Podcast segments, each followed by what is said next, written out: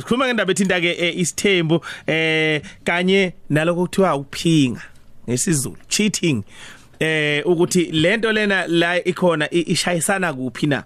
Sekhona ke umusa umfoka mseleko eh sinaye lapha ke eh kumsakazo cause FM umethuli ke oyinhlelo eh kumabona ukuthi siyakubingelela eh Musa sikwamukele cause FM Ah ngiyabingelela kakhulu umne wethu Ngobe noka Mackenzie nomne wethu lapha uXolani.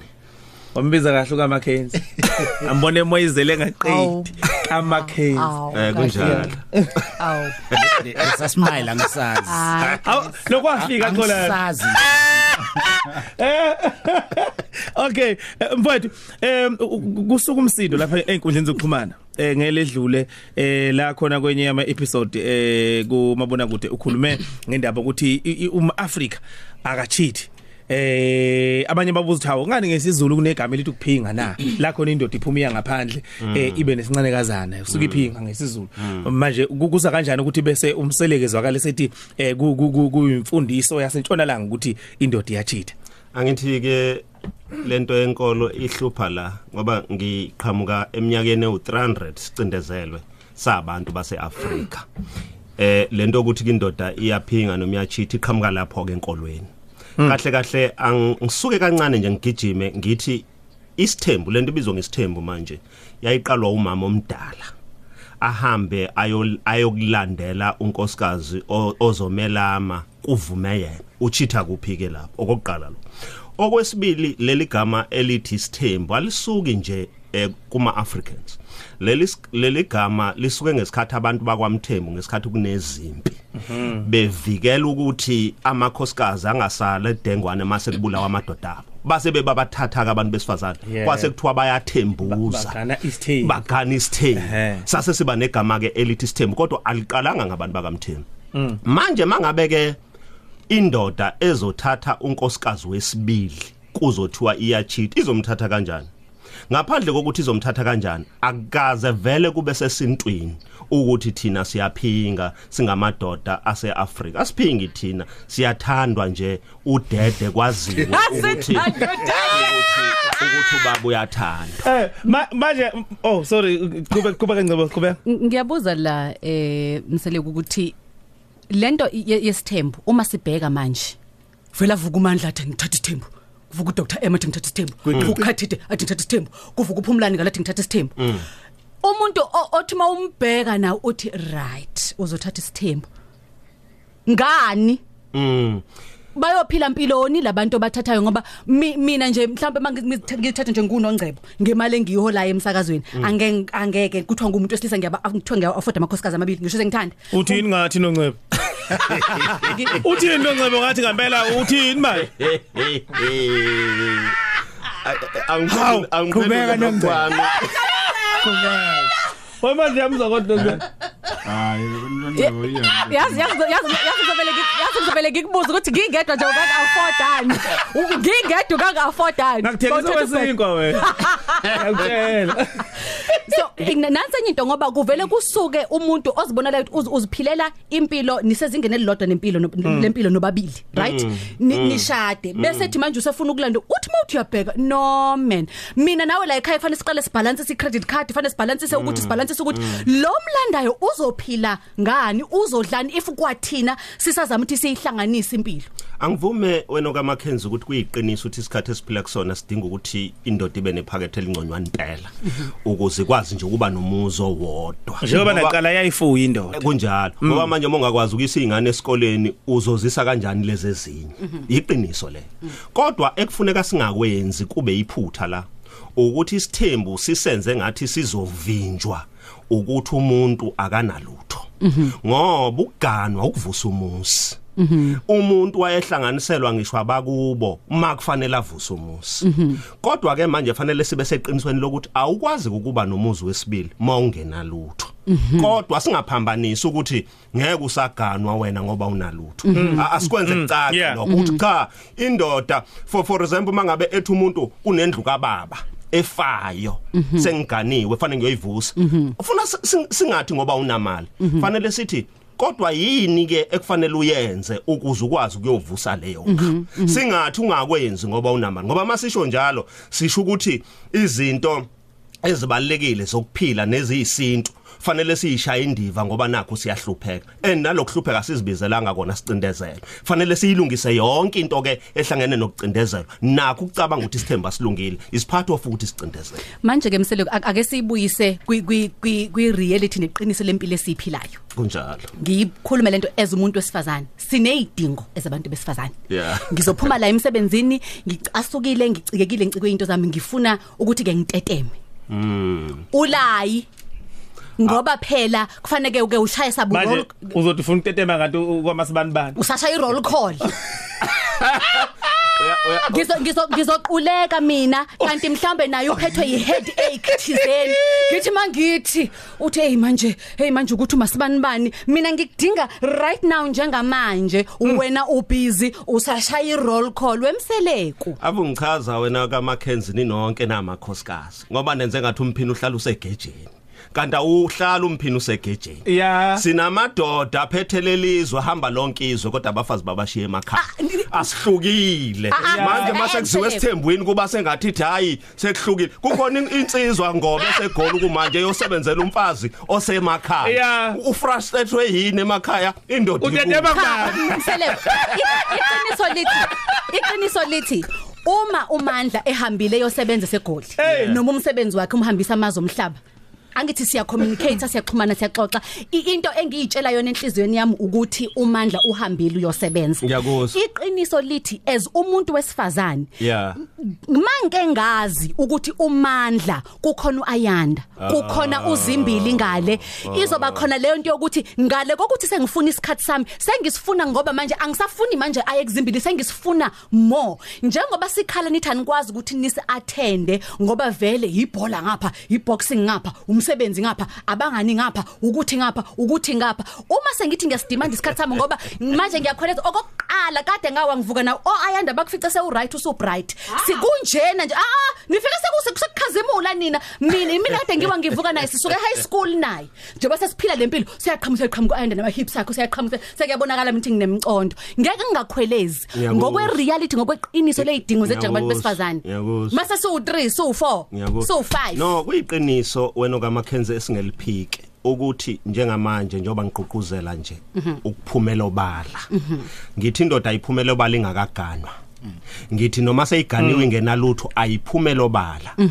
Ayingathi ngoba seyinemali eseyizuzile amabhizinisi noma ngani bese kuthi izothatha isithembu ayisho ihlupheka bentula ukuze kube umbono othandwayo la ekhaya. Kodwa usungimphendulile yebo umbono phela. Mangawuthandi kuzothini? No no angithi umsebenzi kaMseleku njengensizwa eh i- i- isoka mhm. Eh lokuthi li- li- likunxenxe Lokuthi- manganxenxeki. lokuthi lo mbono wale ekhaya ngikudayisele wona uzuwubona Babuye- Unxumani, khathi ba- unxumani, wena unxumani. wena lwadle wena lwadle Unxuma- babuya babuya bakhohlwa noncebe ukuthi bayathanjiswa ngiyambuka nje.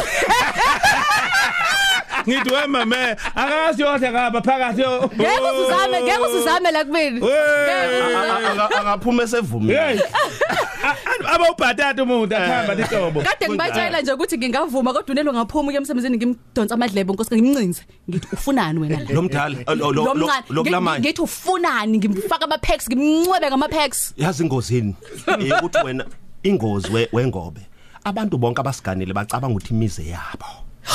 bayakhohlwa ukuthi imizi bayo accounta ngayo mase befika kubanikazi bayo. Lokho kumncinza nje lo nkosikazi omncane elethwe la izovusa umuzi wena uyothi sowumile wedwa phambi kwabantu bandala ekhaya bakulahle ube sewenze kahle kangaka wavuma into enkulu kangaka isithembu. Okay. Cha sakala ngempela umseleko ya. Ngomseleko ngifisa ukuthi mangabe sibuya eh, si- sibuya mhlambe e- ekhefini bijana ke ke sibheke manje kuthenini njengoba ukade ushila ukuthi unkosikazi omdala uyena wayebamba iqhaza etheni afune eh unkosikazi azomelama. Eh uqalisa kwayo le ndaba yogana ugana umuntu ongaphezulu koyedwa. Eh konakale phipho ngoba manje Oh. sesibona umuntu sethi nje hayi sesithandana iminyaka ewu8 naye. Ewu-12. unkosikazi ka seyawu12 unkosikazi ka sengicabanga ngiyomethula manje unkosikazi so ke ake ake sibuye ke sibheke leyo. Eke sizo nokuphawula lapha ke eh ko- komuntu oyibheka lento ngokwezincwadi eh unyanda. Yayinkhona Thula nje ngimlalela. umacingwane ngoba uyibheka ngokwezincwadi ngokwemqulu yena ukuthi lento ihamba kanje ihamba kanjani. Isidlo sasekuseni. Sasekuseni sibaluleke kunazo zonke. Yingakho ingakho silethelwa uTshatha noNonzelo Ngenibingelele ekhuzini bakasakazi bami ngicela ukungazisho. Mina ngibona kukuhlukunyezwa kakhulu amalungelo abantu besifazane. Ngokwami mina bengingafisa ukuthi babumsele kulabantu bakhe laba seke bathatha wenza nayo le show. Akazivezele nje owodwa ko owodwa ke nje eyodwa ke ikhapule esike yayenza lento lethi abathi bafuna ukuyenza. Ukuchitha kukhona noma ngithi ukuphinga kukhona ababumsele kuyangixaka mina ekhulile indoda engaka athi ukuchitha akukho noma ukuphinga akukho.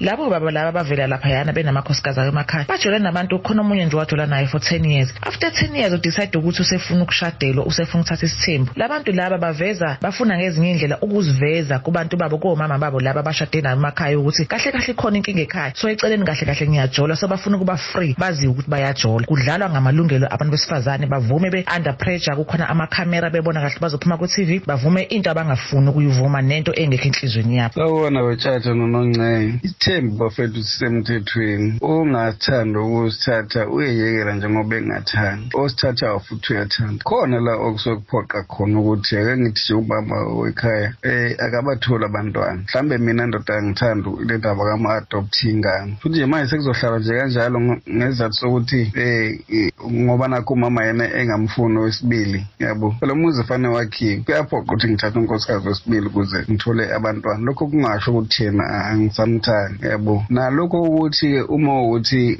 sengifuna ukuthatha unkosikazi wesibili sifane ngiqale kumama omdala angiyiboni leyo nto leyo i-right. Ngoba uma ukuthi aka- uma ukuthi yena akavumi kusho ukuthi nje akavumi ngempela sekuzohlala kanjalo sengiphoqa ukuthi ngo-adopt. Hhayi asingadlali bafethu asibe serious.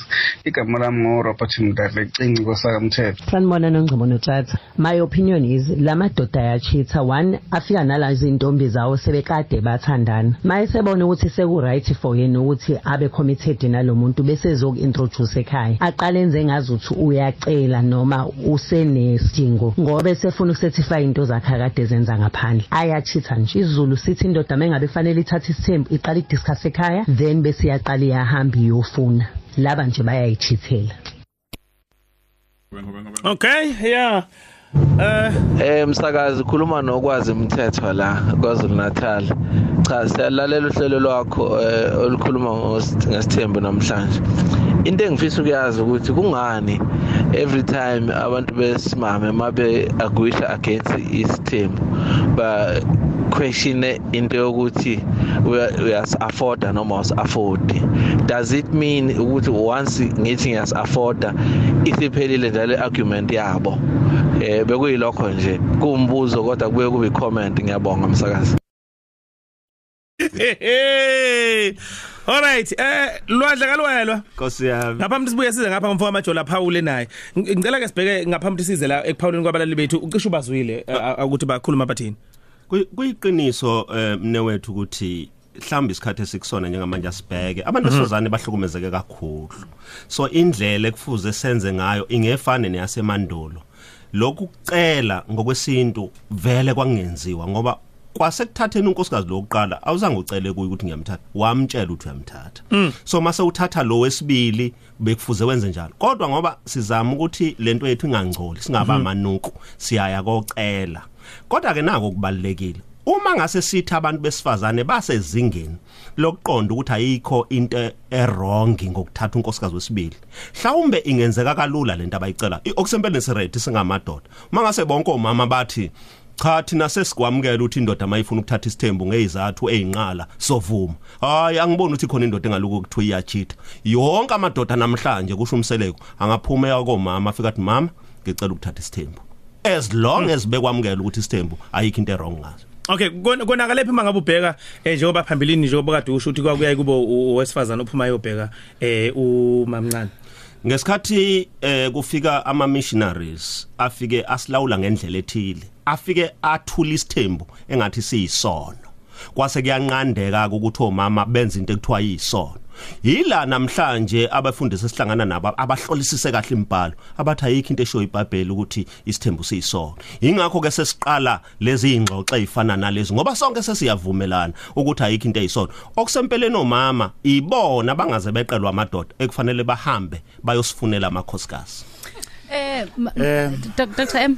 cha ang- angingeni impela. Ngiya- ngiyayithanda leyo ukukhuluma ngesiko kanjalo nesimanje manje ngoba enye into efanele siyiqaphele eh ubeka kahle impela babumsele ukukhuluma ngama missionaries eh ngase ngiyacabanga ukuthi between isiko kanye nesikhathi sikusona njengamanje khona iapartheid.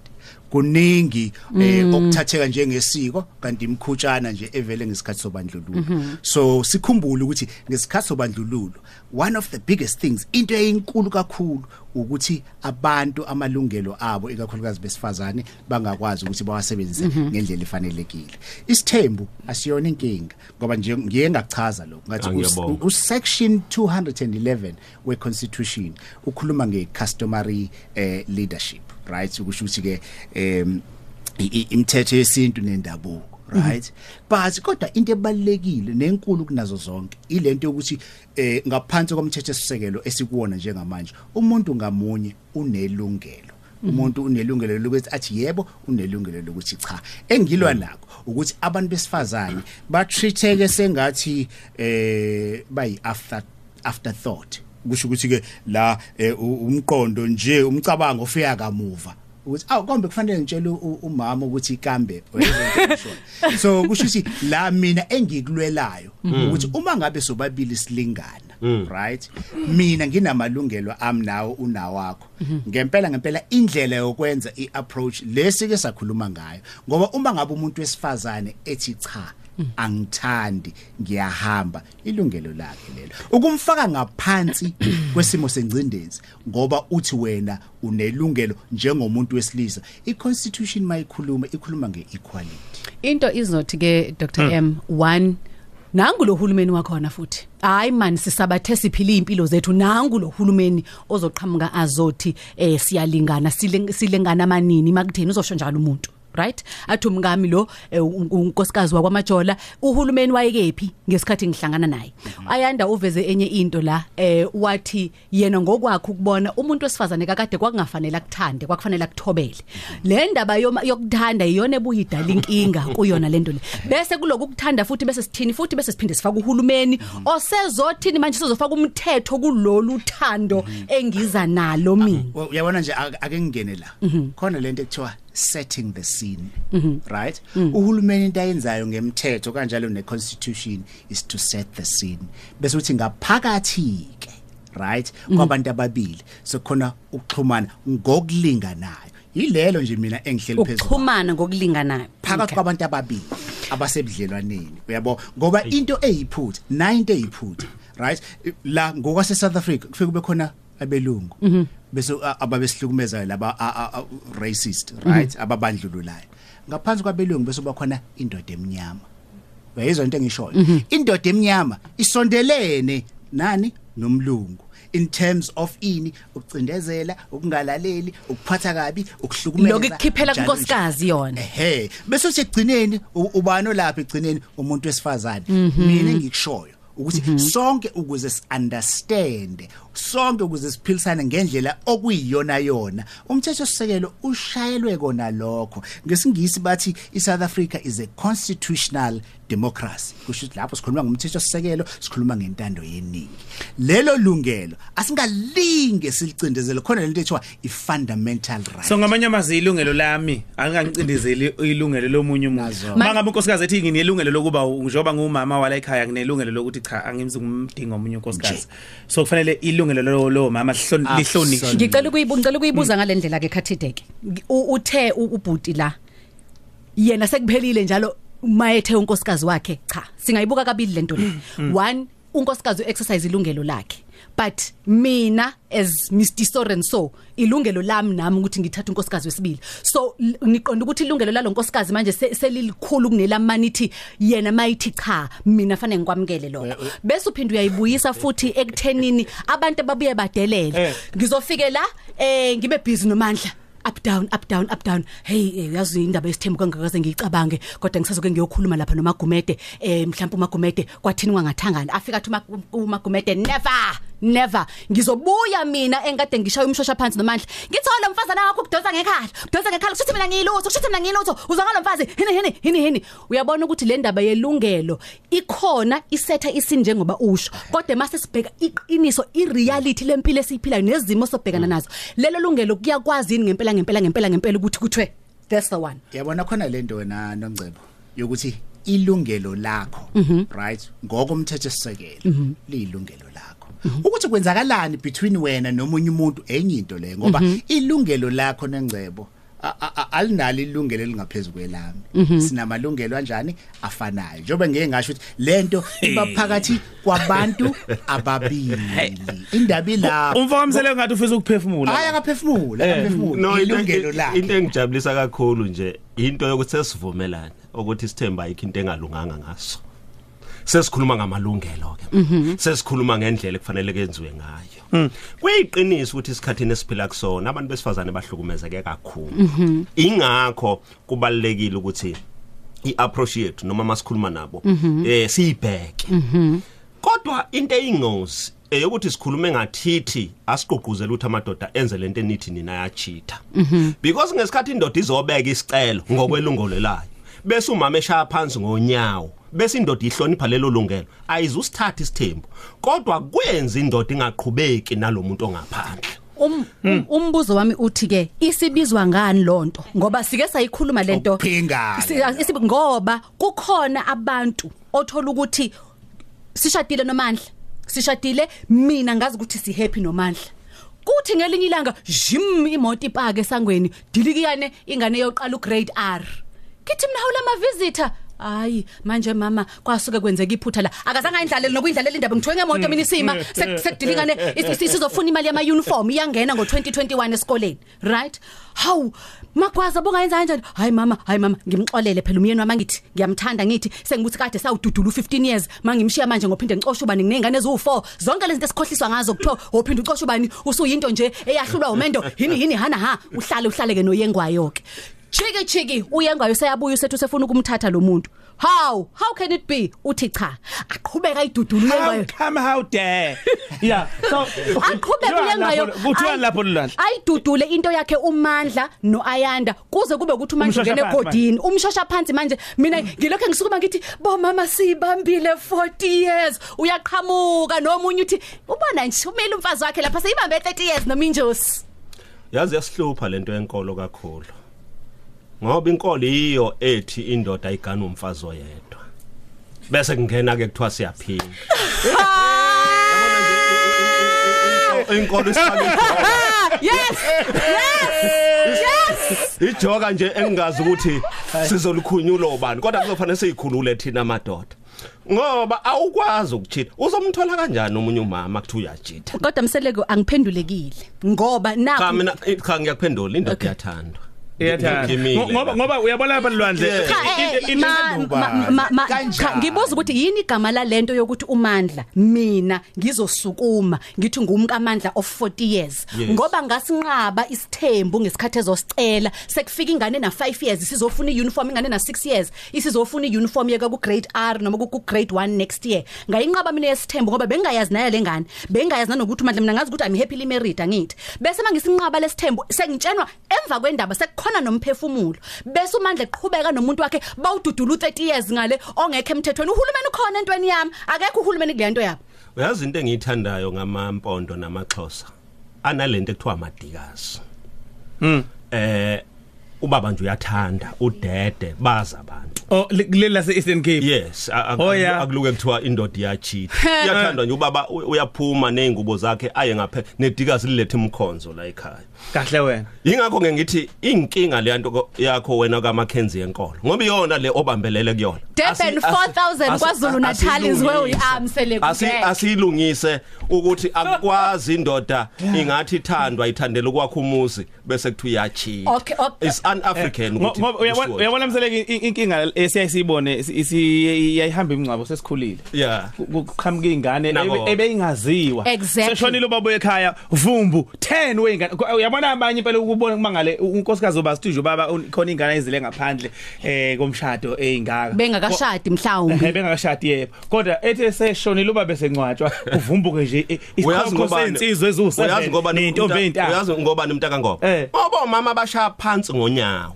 Mhla Yixo omama kunjalo. mhla omama babuza bathi Unelungelo wemsele lokushaya phansi ngonyawo. Mseleko. bathi wemseleko. Ah, awuthandwa Mseleko. yini? Ngiyobatshela ukuthi hey yazi ngithengi lapha emsakazweni ngabano ka Mackenzie wa- wadla inhliziyo. Ngiphumelo bahle angichithi Ma- ma- ma- phumelo bahle mana msele we we- wo no no wona Dr. M ngicela ukubuza ngicela ukubuza ngicela ukubuza Dr. M. Uzophuma Babona kaMakhenzi wadla inhliziyo boma wayishobajela mana ke mana ke mana ke lwandle mana yeah. Yeah. Uphumile wena waye emsebenzini? Yeah. phumile wena waye kwi business trip? Yeah. To Europe or wheresoever? Phumile wena waye ezimayini egoli? Yeah. uphumile wena wabamba itekisi waxhumenya itekisi wayosebenza ePine Town emafemini? Mawubuya ay mina wangilanda kithi wayikhipha zonke wayishaya down. Ngikubuza ukuthi awuthandwa na? Hey! Uthini na ingakho udadewethu eke wathi kwena ingozi lento eniyenzayo ukusithanda ni anihloniphi ngisho uNkulunkulu indlela eniphambene benizosihlonipha kanjani ke thina sabantu? Ngoba uNkulunkulu ushizwi ukuthi ningasithandi sithobeleni niphambana naye. Ingakho kuzokuhlula uphumela ukuyosebenza mseleka uphumelanga ukuyothandwa nawe oh mana Inkinga sebeyathanda mfowethu Mseleko. mana ke mseleko mana ke mseleko mana ke. Ngisho lokhu Mana, sesiganile. mi- mina ezunongcebo oyishaye zonke zaphelela Yebo. mina akufanele ngikuthande kodwa fanele ngibuye ngikubuza ukuthi awuthandwa na so khona banelungelo lokuthi bakuthande mina kufanele ngithobe ngingakuthandi ngiyakuthanda mina noma ngifuni ngawe nje ingakho ngithi dadewethu uyabona masingabuyela ezweni funa sibize inkomfa yabefundisi baniluleke ngoba manje nibona nilwa nathi nje anibalaleli abanikazi bethu Qala la- la- lalela mina ngithanda ukubuza kuba umseleku umbuzo nje obheka eceleni Yebo. ukuthi ngokwakhe abantu besifazane bangakwazi yini ukuthi babe nabantu abahlukahlukene besilisa na? No ngeke uze kwenzeka. Yithi ngikuchazele ngalezi zakho Ah, uthi injola. Eh i- i- imbewu yokwakhiwa komuzi semntwini wesilisa. Umuntu wesifazane ufika bese yinsukwini zakhe. Ume umekhulelwa okhulelwa 9 months. Cabanga ke lo nkosikazi fanele siqhudelane samadoda singazi ngani uthi yakwabani siyilindile izozalwa. Kuzoba nombango ongazi ubona naleso sizwe sakhiwayo kwakhiwayo siphi isizwe? Ngoba mina mangilanda unkosikazi ngimletha kwamsele bakhiwe global village. Ngizowakha umuzi kamsele ngeke kuze kwenzeke. Kungavuka abafileyo ngeke kuze kwenzeke. Siya- siya- siyayichitha leyo majola siyayichitha amacingo Eh, lithini iBhayibheli kalokho kathi liphumelo bala nalapho oh ali ali ali ali lena le libeka icala lithini Manje, cha ngiyahleka la. Ngi- ngibonga ngoba u- umsele kuthini indaba efundiswa likhona befundisa sebe ba- balibheka kahle babonda hayi lento esithembu akukho la khona Kunjalo. ilokhuzana. Ngiyamangala ukuthi bayawazi lo yambhalo kathi ka- Nazi- kaTimotheo wokuqala kaTimotheo wokuqala isahloko 3 eh iverse 3 U- u- u- u- umpostoli Paul ebhalela uTimotheo i- i- incwadi kaTimotheo lapha. Wayebalula ukuthi uma ngabe esemisa amadoda azohola ibandla.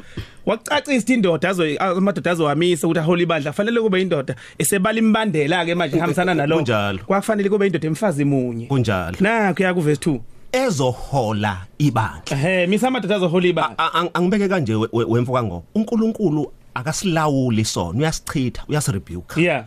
Ubhala kanjalo nje uyalawula into engesona isona ukuthi onesithembu uyamlawula. Umqaphela uNkulunkulu akasoze uNkulunkulu athi ngilawula isona akasilawuli Akasilawuli uNkulunkulu isona, yeah. uyasichitha uyasinyanya. Ubone elawula nje into yakhe kuyena enhlizweni ukuthi ke ozophatha ibandla akabe mfazi munye Yeah. kodwa ongeke aliphatha ibandla njengomseleko ah uNkosi yami.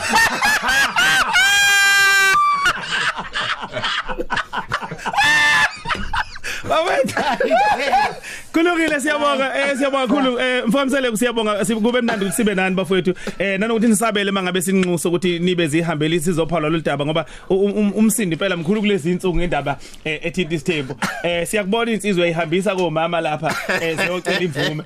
Eh siyabonga kakhulu mntaka baba Bonke kakhulu ukuthi ningimeme ngiya- ngiyathokoza kakhulu umntaka ngobe Yeah. okaMackenzie nomne wethu lapha. umfoka major. Umfoka Major. Eh, bakuthola kanjani inkundla zokuxhumana abantu? Bakuthola uma bekulanda Hey ngiyasaba ngoba kune fake eningi so angisazibizi lezo zinto ngoba abanye abantu baqamba manga bathi ngidayisa imoto baqola abantu. So a- a- a- so angisafuni aw- awusekho nje social hayi media? kakhulu mfowethu into eyingozi kakhulu kumina ngoba ku- kuno kunabantu abaqolwa ngisho imali namhlanje kuthi umsele kuthe udayisa imoto abantu bayifake bayifake ngempela. Ba- ba- ba- babuze sebezifakile imali. Kuyima ngibatshela ukuthi hayi bonidlala abantu ayikho leyo nto so ngizama ukuthi igama lami njengalesi sikhathi lisenkingeni kakhulu ngalezo zinto ezenziwa abantu. Okay. All right voice yabonga kakhulu vuka major hayi ke hayi bekumnandi kakhulu. Indoda yomthetho. Hayi ngimbine nje constitutional right siyabonga mfowethu siyabonga mfowethu all right usokoluhle